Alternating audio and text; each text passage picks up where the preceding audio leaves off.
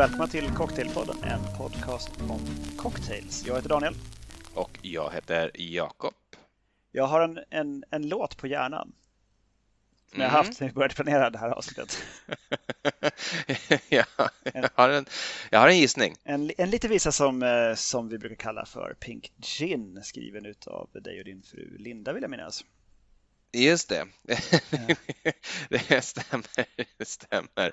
Det har väl varit lite av en sån skämtjingel som vi har gått och skriksjungit i lägenheten varje gång vi velat ha en Pink Gin, vilket ju har varit förvånansvärt ofta med tanke på vilken inopportun drink det här är.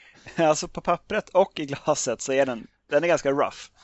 Eh, jag kommer ihåg, det var du som berättade första gången om Pink Gin. Det var innan jag själv hade en kopia av Ted Haigs underbara eh, Vintage Cocktails and, nej, uh, Vintage, Spears and Forgotten, Cocktails. Cocktail. Uh, där det ju finns ett recept med på, på just Pink Gin. Som jag känner har blivit lite grann standardreceptet. Jag tror det i alla fall. Jag tycker att det är det man ofta, det ofta refereras till det när man liksom googlar runt och, och tittar på olika internetkällor. Då är det ett, ett Haigs recept som man eh, som man liksom anger som det korrekta. Jag har en teori om varför, men eh, vi kommer nog att komma till det under avsnittets gång. Mm. jag tänker vi kan väl börja den änden. Alltså det, det finns ju att vi börjar änden helt enkelt med drinken. För det finns ju mm. en del flaskor eh, på Systembolaget nu som heter Pink Gin. Som i de allra flesta fall är en vanlig gin som är smaksatt med någonting som ger ett rosa skimmer. Alltså jordgubbar mm. eller andra röda bär. För en, en festligare gin och tonic eller något sånt. Eller någonting eh, Precis. uteserveringsanpassat. Jag läste nu att Gordons, eh, jag tror deras Pink Gin har blivit den största. De var inte först, eh, men de har blivit verkligen stora och eh, Gordons Pink Gin står nu för 60 procent av Gordons hela försäljning, vilket jag tycker ändå är ganska, jag är ganska imponerad med tanke på vilken ny produkt det ändå är. Eh, e-, e-, enligt, eh, e-, enligt tillverkaren Pinkster så ska det vara Pinkster som gjorde den första Pink Ginen. Hallå, det var faktiskt vi här på på Pinkster Gin som gjorde den första. Hallå? Hallå? Eh, jag, jag, tror att det, det kan stämma också faktiskt. Det är ingen som bryr sig om Pinkster, tyvärr. Eh, det är kört. Alla, alla de andra har också en Pink Gin nu och de är mycket större än vad ni är. Eh, så är det. Men 2013 då ska det här tydligen ha lanserats. Det är inte i akt och mening att det Ja, alltså det här är så konstigt. De, måste, de heter ju Pinkster, de måste ha tänkt att rosa ska särskilja oss från alla andra. Ändå så hävdar de att det var smaken, alltså vi testade typ alla bär och kom fram till att hallon var den godaste bland dem i gin. Eh, och att idén från början var att göra någon sorts liksom, likör, men sen så var det bara en, en, en, en gin färgad och smaksatt med lite hallon. Mm, det finns ju en, en hallongin sedan tidigare. Jag tror Edinburgh Gin har gjort en eh, ungefär som en slow gin fast med hallon. Mm -hmm. Det kan man ju tänka sig är smart. Ja, jo, men den, den, var rätt god faktiskt. Sen så hade jag den på hyllan i värmen för länge så att den tappade sin, sin hallonsmak. Det var mest någon märklig tjockoljeliknande konsistens med lite slam i botten. Trist. Trist slut för en ganska fin flaska. Så härligt klar röd färg från början. Ja, det hände med min hemmagjorda slånbärslikör också, vilket ju är en slow gin eftersom jag har använt gin som bas för likören. Mm. Men eh, ska vi gå tillbaka till, eh, till själva, själva drinken Pink Gin? Mm. Eh, har, du, har du span på var, var, när, hur? Eh, jag har väl hyfsad span på var, när, hur. Jag, jag kan börja med min eget var, när, hur. hur jag snubblade över den. det, ja, det är ju det viktigaste i historieskrivningen förstås. Ja, men jag, jag, tycker det, i alla fall i vår historieskrivning. Eh, nej, men vi, det, det var egentligen innan jag började liksom, nörda ner mig i cocktail, så det här är som alltså i, i mitt liv en pro, en, en pre-prohibition cocktail om man tänker att liksom mitt cocktailuppvaknande är, är prohibition. Eh, lite random kanske, men, men ändå. Och det är ju också på riktigt en pre Prohibition Cocktail. Så det passar ju väldigt bra där. Nej men för mig var det, vi, hade, vi fick en drinkbok typ när någon av oss fyllde 22 eller 23 eller 24 eller någonting sånt. Um, av, av den oerhört produktiva författaren David Biggs. Jag vet inte om du kommit i kontakt med någon av hans drinkböcker. Det finns många och alla är liksom bara en samling recept ihop liksom kurerat på vad som framstår som måfå. Men eh, det kan mycket väl finnas en tanke bakom som är dold för liksom, den, den, the common reader så att säga, eh, det vill säga mig själv. Men eh, vi skulle ha en cocktailfest och Eh, då satt vi och bläddrade igenom den här då. Det var på den tiden också då vi inte hade fasta jobb om jag minns rätt eller så hade vi möjligen precis fått det. Vi, vi upplevde oss inte ha speciellt mycket pengar i alla fall så att eh, vi ville ju kunna då eh, bjuda på cocktails men, men ändå eh, Eh, för liksom en rimlig peng. Och eh, vi såg, insåg ganska snabbt att gud, det är verkligen mycket man behöver för att, för att göra cocktails. Det ska vara likörer, det ska vara vermouths och det ska vara allt möjligt. Men eh, en drink stod ju ut då i den här drinkboken som ganska simpel och det var drinken Pink Gin. Eh, receptet var fyll ett glas gin, tillsätt en till två droppar angostura bitter och eh, en pytteliten skvätt citron. Uh, and there you have it. And uh, here I have it. Uh, Men alltså, den är inte skakad eller rörd, den är bara i glaset? Den är bara direkt, direkt i glaset. Och när vi gjorde den då på, i Uppsala där vi bodde då och eh, sen dess också egentligen så är det helst, ska helst göras med en gin som har legat i frysen och blir sådär eh, viskös, eh, att den, att den nästan är som ett dubbel, dubbelt sockerlag i tjocklek och liksom verkligen isande, isande kall. Tyvärr hann jag inte förbereda det idag så den här är bara rörd på is. Men ginen är rörd på is själv och sen hälld i glaset och därefter är det tillsatt lite angostura och en pytteskvätt citron. Och jag passar väl på att eh, introducera mig själv för kvällens första drink genom att ta en sipp. Alltså gillar man gin då är det ju svårt att inte gilla det här eftersom det nästan bara smakar gin men kanske är lite godare än eh, bara gin. Eh, det här, det här är ju min introduktion till Pink Gin så den är och förblir mig eh, väldigt kär. Du, du, har säkert också koll på den här drinkens liksom, stora historia, inte, inte min personliga. Så du kanske vill fortsätta, fortsätta berätta eh, drinkens historia? Jo, men det, det skulle vi säkert kunna göra. Alltså det, den har ju med, eh, med brittiska flottan att göra och har ju tillkommit någonstans efter att eh, eh Angostura Bitter kom till, till världen. Vilket var, vilket år var det? 1824. 1824, eh, precis. Så det är någonstans mitten eller andra halvan av 1800-talet som, som det här kan ha uppstått. Eh, enligt Diffords guide så ska det vara en, en karl som heter Henry Workshop som var en, en eh, surgeon på eh, ett, ett skepp i brittiska flottan.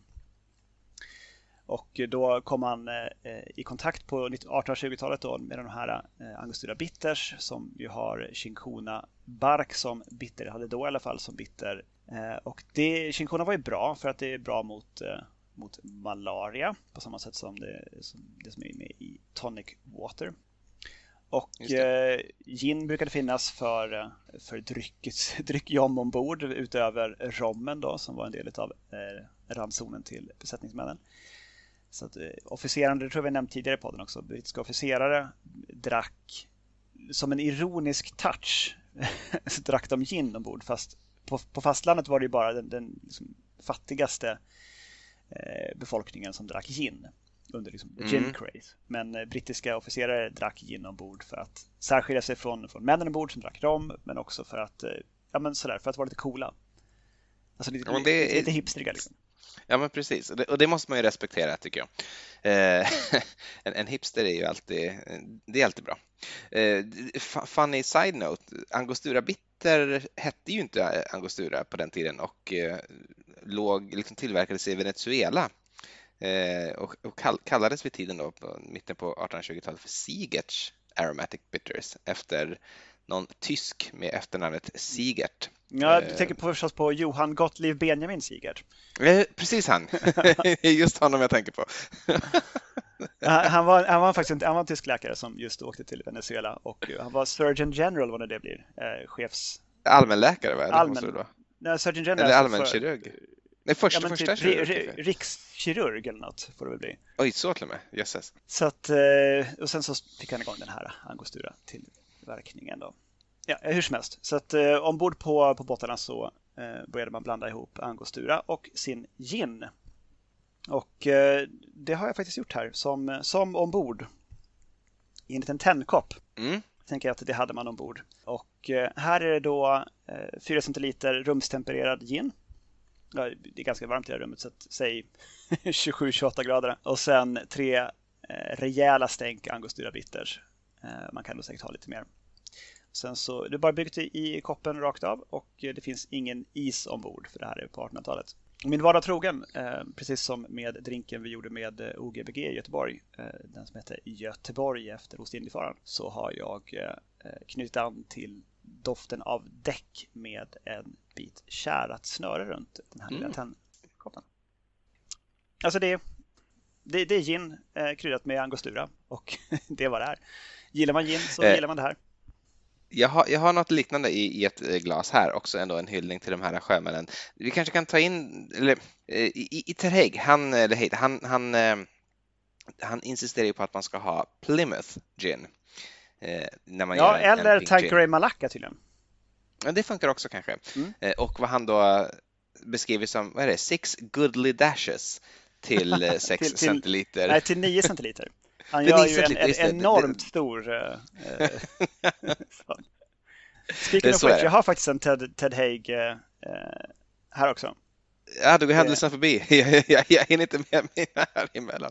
Men han, Nej, men anledningen att jag tror, jag tror att skälet till att han insisterar på att det ska vara Plymouth är att det var leverantör till flottan, alltså till kungliga flottan i Storbritannien vid den här tiden.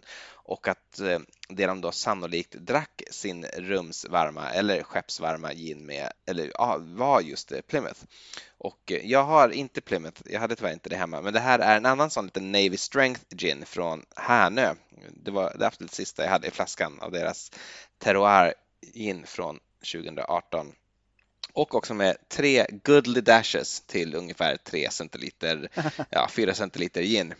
Eh, jag valde inte att ha ett kärsnöre utan en liten skiva citron som jag tänker är en sorts då hyllning till alla sjömän som lyckades undvika skörbjugg genom att äta citrus. Men sen när jag tänker på en sak, när man har haft i eh, sina Goodly Dashes så är den mm. ju faktiskt inte rosa. Ja, vad är den då? Ja, nej, den är brun kanske snarare. Persiko typ peach snaps. jag måste säga att jag tycker det här är rätt gott. Mm. Ted eh, vill ju att man skakar drinken också, fastän det bara är eh, sprit. Mm. Så att, det har jag också gjort. Jag har skakat den här. Eh, nu har den stått ganska länge, men alldeles i början så får den liksom några bubblor på ytan som vittnar om att den har varit skakad. Men det är kallt och gott. Det tycker jag inte är något, något fel på. Jag har gjort min på Plymouth också vill jag. Ja, din på Plymouth. Ja. Eh, det verkar ju som att många insisterar på att man ska dricka den varm. Jag vet inte, har du någon åsikt i, i den här frågan? Ja, alltså det är ju på sätt och vis någon slags martini-esk drink och jag, jag tycker att den vinner på att vara gode kall. Mm. Det tycker jag. Eh, jag kan ju jag kan bara döna vidare på nästa drink direkt då kanske. För att innan, innan den hinner värmas upp, tänker jag. Ja, kör på det. Eh, du minns vår, vår gamle vän eh, Salvatore Calabrese? Jo då. Och, och hans, Mycket eh, väl. hans system för att göra en, en väldigt kall martini som han mm. då kallade för omväxlande för en naked martini eller en direct martini. Just det tror, jag kan minnas fel nu, att, att han föredrog Direct och att Naked är liksom andra som har, har insisterat på eftersom det är ett lite fräckt namn som, sånt som de liksom uppskattar mycket i England enligt mina fördomar. Ja, det, eh, ah, ja. det, är, det är där, många sådana här liksom lite så eh, eh, putslustiga och lite lätt sexuella namn på drinkar kommer just från England. Eh, hur som helst, jag, som du här ser här så har jag en, en dubbelväggad ishink full med is och här har jag då tagit ur mitt alldeles iskalla glas. Sen så har jag här en termos som har varit i frysen eh, sen igår. Eh, utan, eh, utan lock en stor del av tiden då, så att innehållet också blev väldigt kallt. Och här har jag eh, min, eh, som jag kallar då för In the Pink. Eh, för det är då en, en Naked Pink Gin. Gotcha. Ja, den är härligt viskös alltså. Den är gode kall den här. det är så att det liksom ångar om den i rummet här. Um, då får vi se då om jag tycker att den är bättre än den som var dels då skakad och lite utspädd och lite varmare.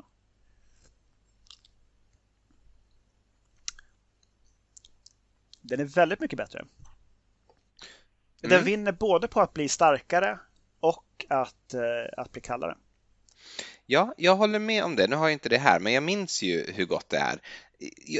Just att den är alltså verkligen rasande kall, alltså mm. så kall som den kan bli utan att liksom bli fast form. Nej, men det, det är fantastiskt och den, eh, den blir väldigt så Ja, det är svårt att beskriva. Jag tycker att man ska bara gå och slänga sin, sin gin i frysen.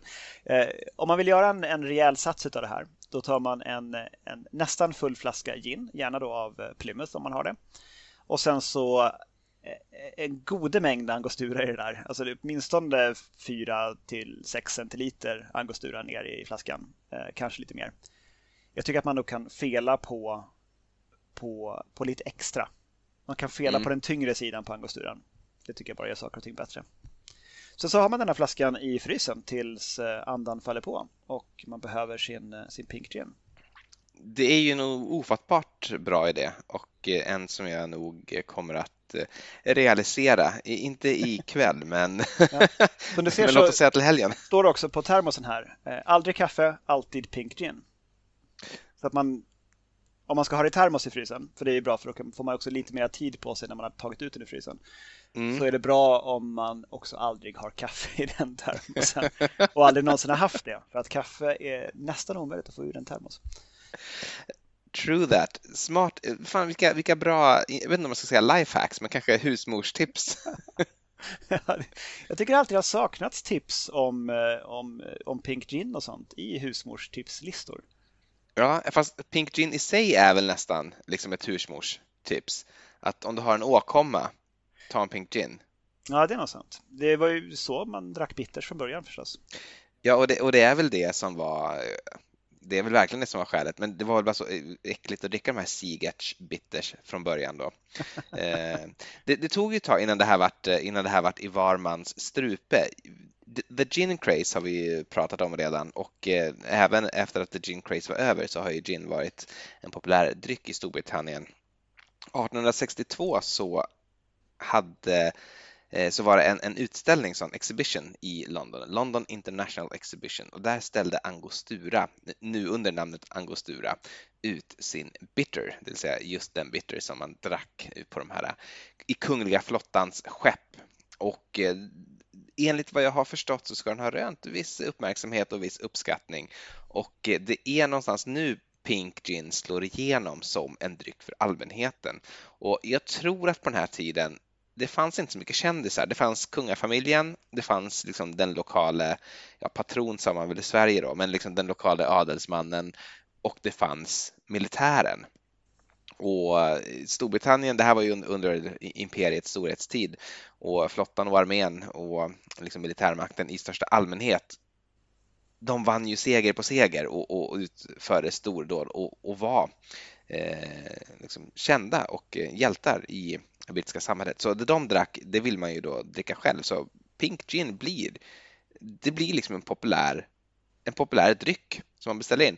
Eh, lite oväntat som sagt, den är ganska oinställsam, men å andra sidan vet inte riktigt vad man hade. Jag vet inte hur, hur tillgången på socker var och hur tillgången på allt annat var. Men det är också någonstans nu som man börjar med då oskicket kanske en del säger, eller skicket som jag själv säger, att ha en skvätt citron i sin Pink Gin eh, vilket jag tycker kan lyfta den ändå. Eh, jag, jag, gillar, jag gillar ändå det.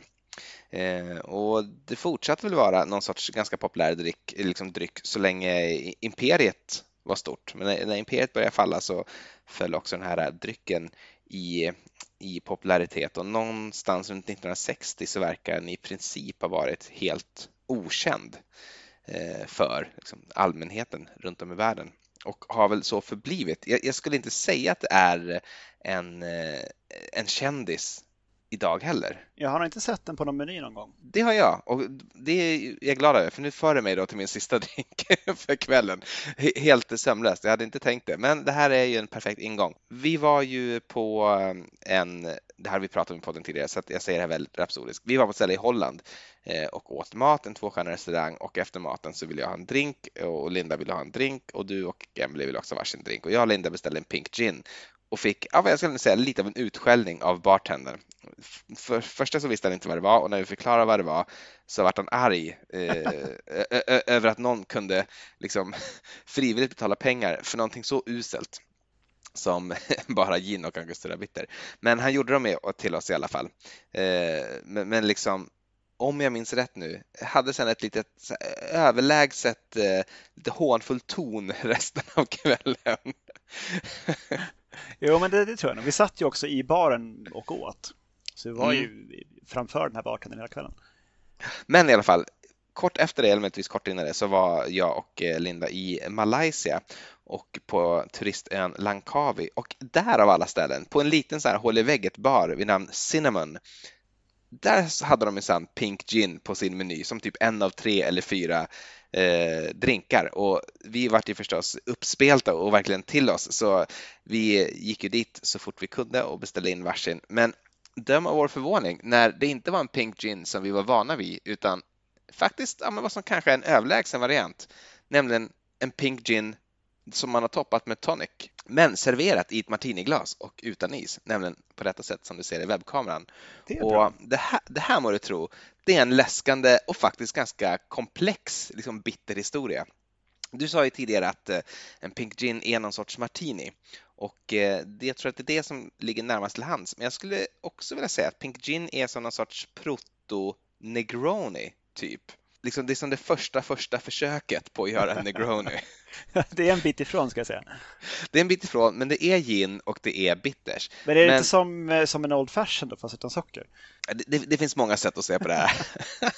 det är Pink Gin helt enkelt. Det är sin egen grej. Det är sin egen grej. Men en Pink Gin and Tonic det är som en godare gin och tonic. Det är, liksom, det är en gin och tonic som är mer komplex eller som en gin och tonic med en så här super artisanal tonic som inte fanns på den tiden då vi var i Malaysia och drack Pink Gins.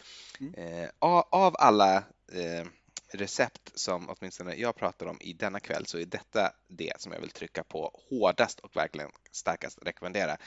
Gör en Pink Gin, men gör den ganska liten så att du får plats att toppa upp rejält med en god flaska iskall tonic och gör den i ett martiniglas med en liten citronzest. För det är så jag dricker den. Det är så de serverar den på Cinnamon på Langkawi i Malaysia och det är så jag tycker att ni ska dricka den också. Det är så tjusigt också. Mm. Det är som en Cosmo nästan. Ja, men lite. Vilket som ändå är för många sinnebilden av en tjusig drink i en New York-bar. Fortfarande, så många år efter Sex and the City. Ja, eh, även för mig. Eh, Fever Tree gör, tror jag, fortfarande ett, eh, ett tonic water som heter Aromatic Tonic Water som är typ angostura stängt igen i tonic water. Ja, det har du rätt i. Eh, och, eh, annars är det lätt att göra det själv. Ja, verkligen. Bitter Truth gör ju för övrigt också en pink gin som är en pink gin, det vill säga gin med bitters. Ja, precis. De har, eh, det är bara det helt enkelt. Jag har en liten text här som var lite små, småkul ändå. Eh, på utrikiska. This minx is not just a common gin with a fake tan. It's a sophisticated metrosexual in a salmon jumper. Mm. I like it. Ja, och jag gillar att du... flaska också.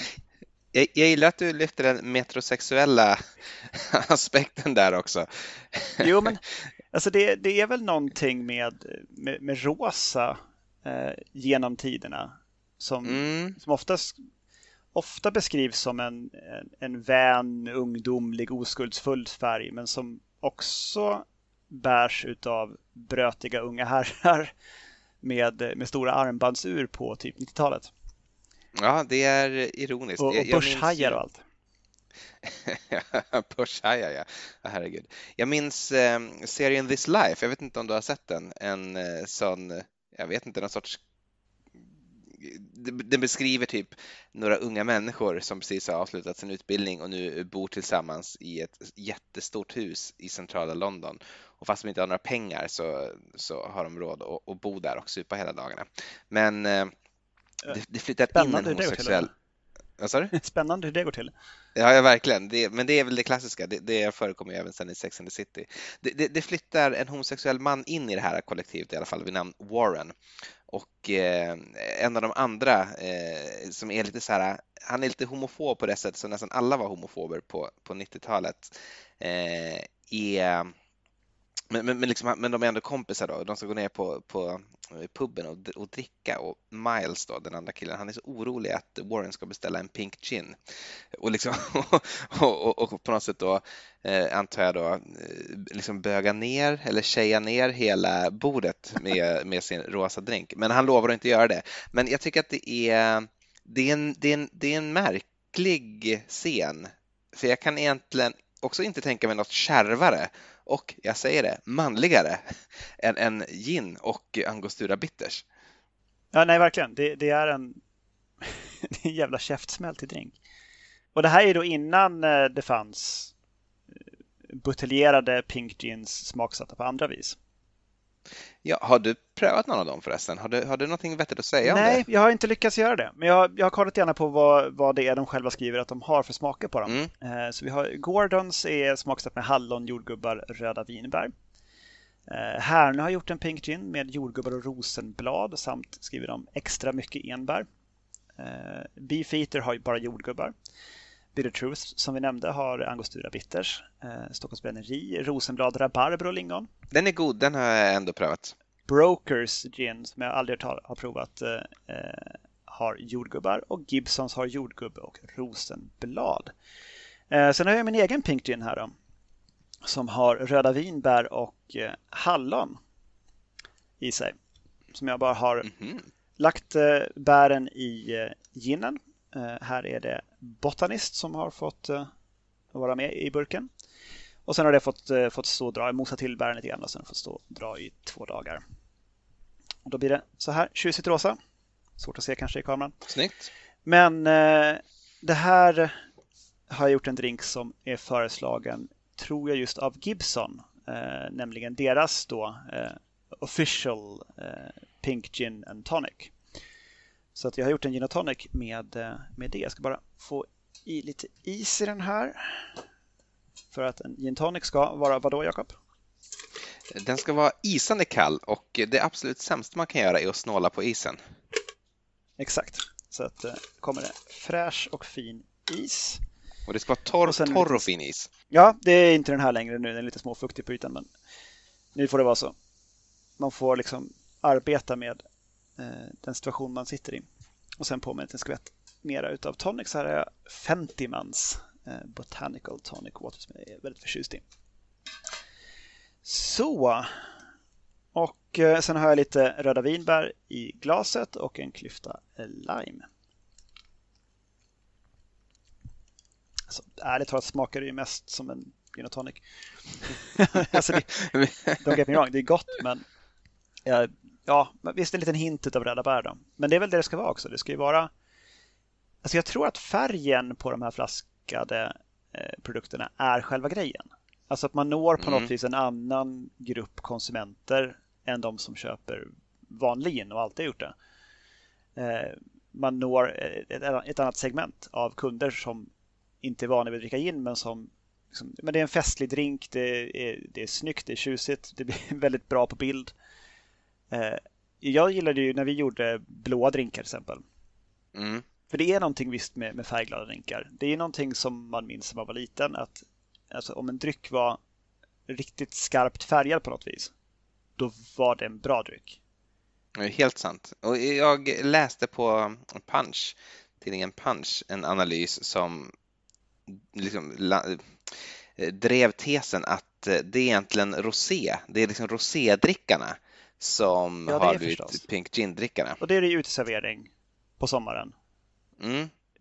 Ja, verkligen. Ja, det, det, och det förstår jag. Jag, jag. jag, tycker ju själv att det är rätt mysigt. Så att... Och, jag menar, och är, man, är man så fin i kanter att man tycker att nej, men Pink Gin, det får inte heta Pink Gin för att det är bara Pink Gin som ska heta Pink Gin. Då tycker jag att då får man inte dricka någon annan Pink Gin än så som på däcket på en av brittiska flottans fartyg. Då ska den vara nästan solvarm i en tändkopp och, och ingenting annat. Bra sagt. Vänta, jag ska passa ett bara. Vi har en katt på rymmen. Okej. Okay. Han har en katt på rymmen. Nu försvann den. Drick en pink gin. Mm, mm, mm. Somna rätt bra.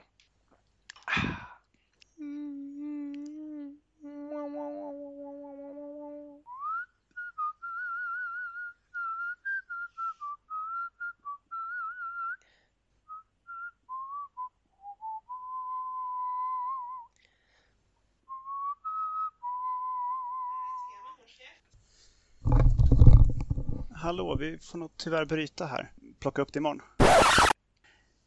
Ja, då, då är vi tillbaka. Um, där vi bröt igår så sprang jag ut för att jaga rätt på en av våra katter. Um, det, det, det är innekatter vi har fastän vi bor på landet. Vi, till mitt försvar så bodde vi i stan förut.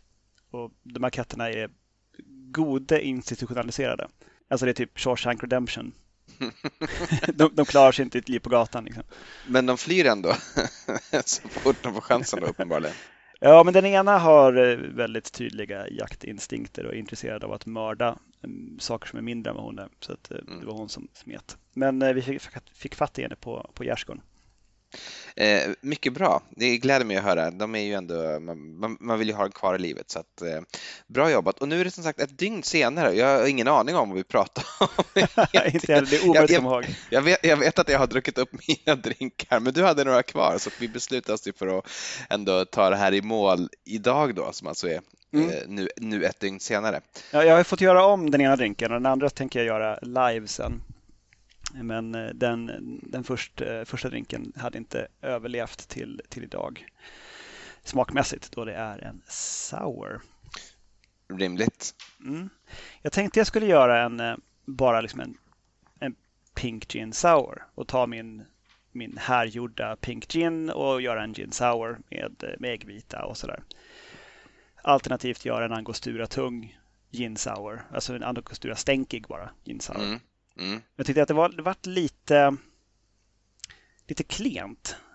Så att jag, eh, jag hämtade inspiration ur uh, Trinidad Sour som du kanske minns från avsnitt 7, Bittra drinkar.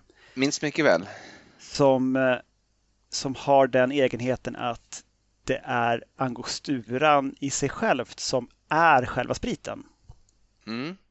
Förvånansvärt god ändå. Ja, verkligen. Och här har jag då gjort en, en Pink Gin Sour, heter den, eh, som har då ett ounce av Angostura Bitters. Mm. Och lättast där är att bara pilla loss den här lilla stänkkorken som sitter överst och, och hälla. Annars får man stå och stänka ett tag. Eh, sen har jag ett ounce plommonsirap. Eller plommonsaft eh, koncentrerad om man så vill. Eh, tre fjärdedels ounce limejuice och ett halvt ounce med gin. Skakat med is och filat till ett kylt glas.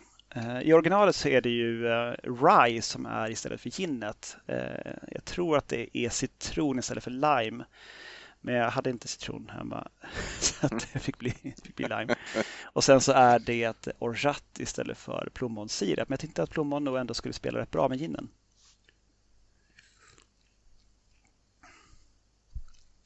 Det är en fantastisk drink. Juligt också. Um, mm. För det är så mycket julkryddor i angosturan. Och inte alls som man skulle kunna tänka sig väldigt, väldigt bitter. Konstigt nog blir det ju inte det. Det är nästan bittrare i små mängder på något sätt. Ja, alltså den här är inte bittrare än, säg, en, en Division Bell. Hmm. Eller någonting med Campari. Mm. Mm. Mycket bra. Den här drinken gör mig glad. Och det är också kul att man kan använda eh, templaten från eh, Trinidad Sour och eh, liksom använda samma proportioner och få någonting som är gott med andra spriter och ingredienser. Det är ju the hallmark av ett bra recept. Det har jag sagt att mycket är, men det här är också ett hallmark av det är också ett hallmark. ett bra recept. Eh, synd bara att det blir så, den är ganska dyr då eftersom en flaska angostura jag vet inte vad det går loss på, men det är väl en, en 200 spänn eller någonting sånt. Jo, men sen så ligger det också någonting nästan erotiskt i att göra slut på en flaska angostura också. Mm, sant. Det, det, är en väldigt fin upplevelse att, att, att slänga undan den. Och sen är också själva angosturaflaskan, när den väl är tom, väldigt bra att ha egna saker i. Till exempel egna bitters. jo, egna bitters. Det har jag, det har jag inte använt upp mina egna bitters som jag gjorde för länge sedan. Eh, för det gör man inte. Eh, nej, men tänk om man ska ha eh, alltså någon, någon likör man har gjort så är flaskan väldigt bra. Man kan ju ta bort droppkorken och då är liksom den här plastkorken överst väldigt bra. Mm. Och också om man ska ha till kanske som en improvinator, blanda maraschino och, och absint i. Eller varför inte saltlösning? Ja, verkligen. Oändliga möjligheter. Man kan spara sin, sin flaska om man har gjort slut på den.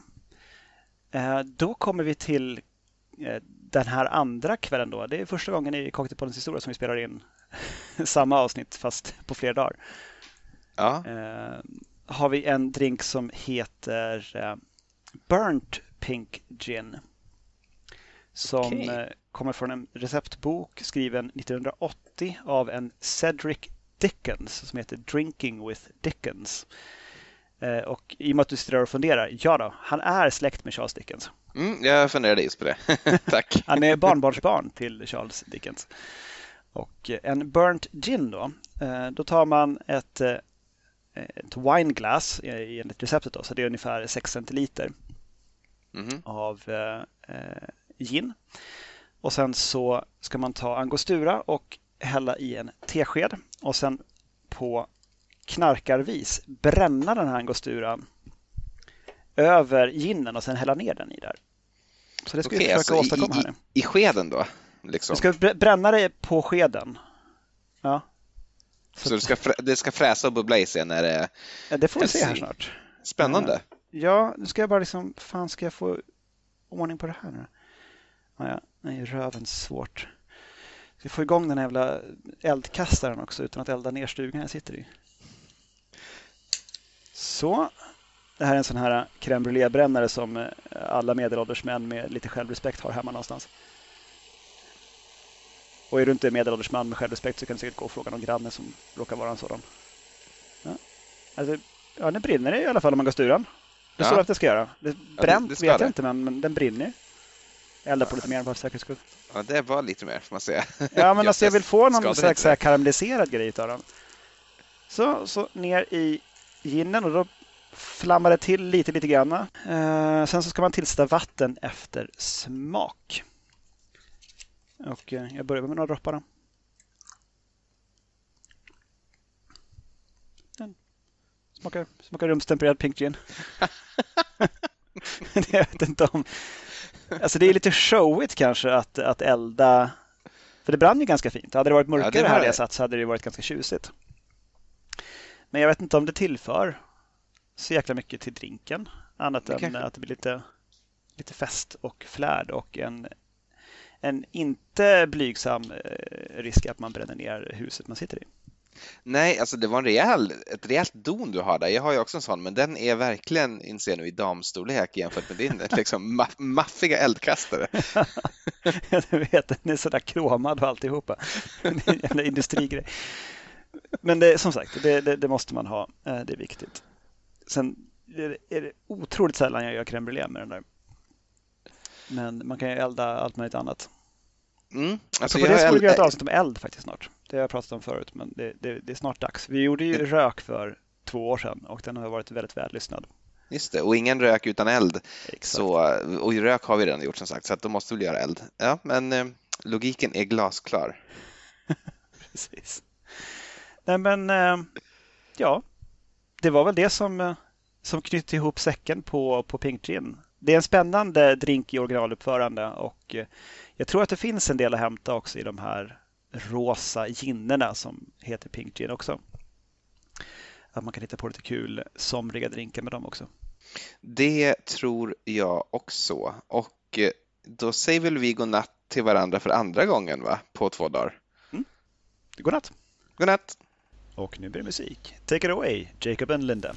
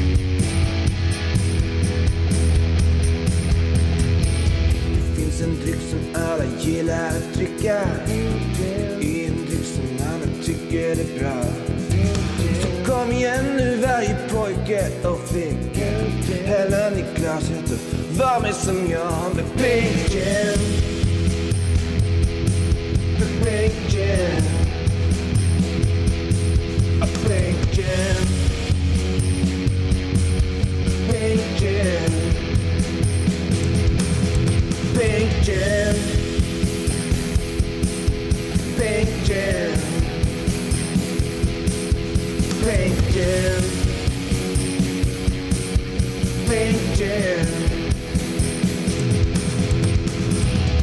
Okej, allihopa. Nu ska ni lyssna jävligt noga på vad jag berättar för er. För jag tänker berätta hur ni själva kan gå hem och göra en Pink Gin. Världens godaste dryck. Kustura Peter. Sen upp till grannen med gin. Häll lite citron i så det skvätter. Ni är klara, let the mayhem begin med Pink Gin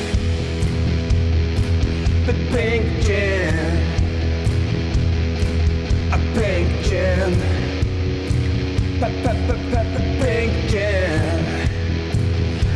A pink gin. Pink gin.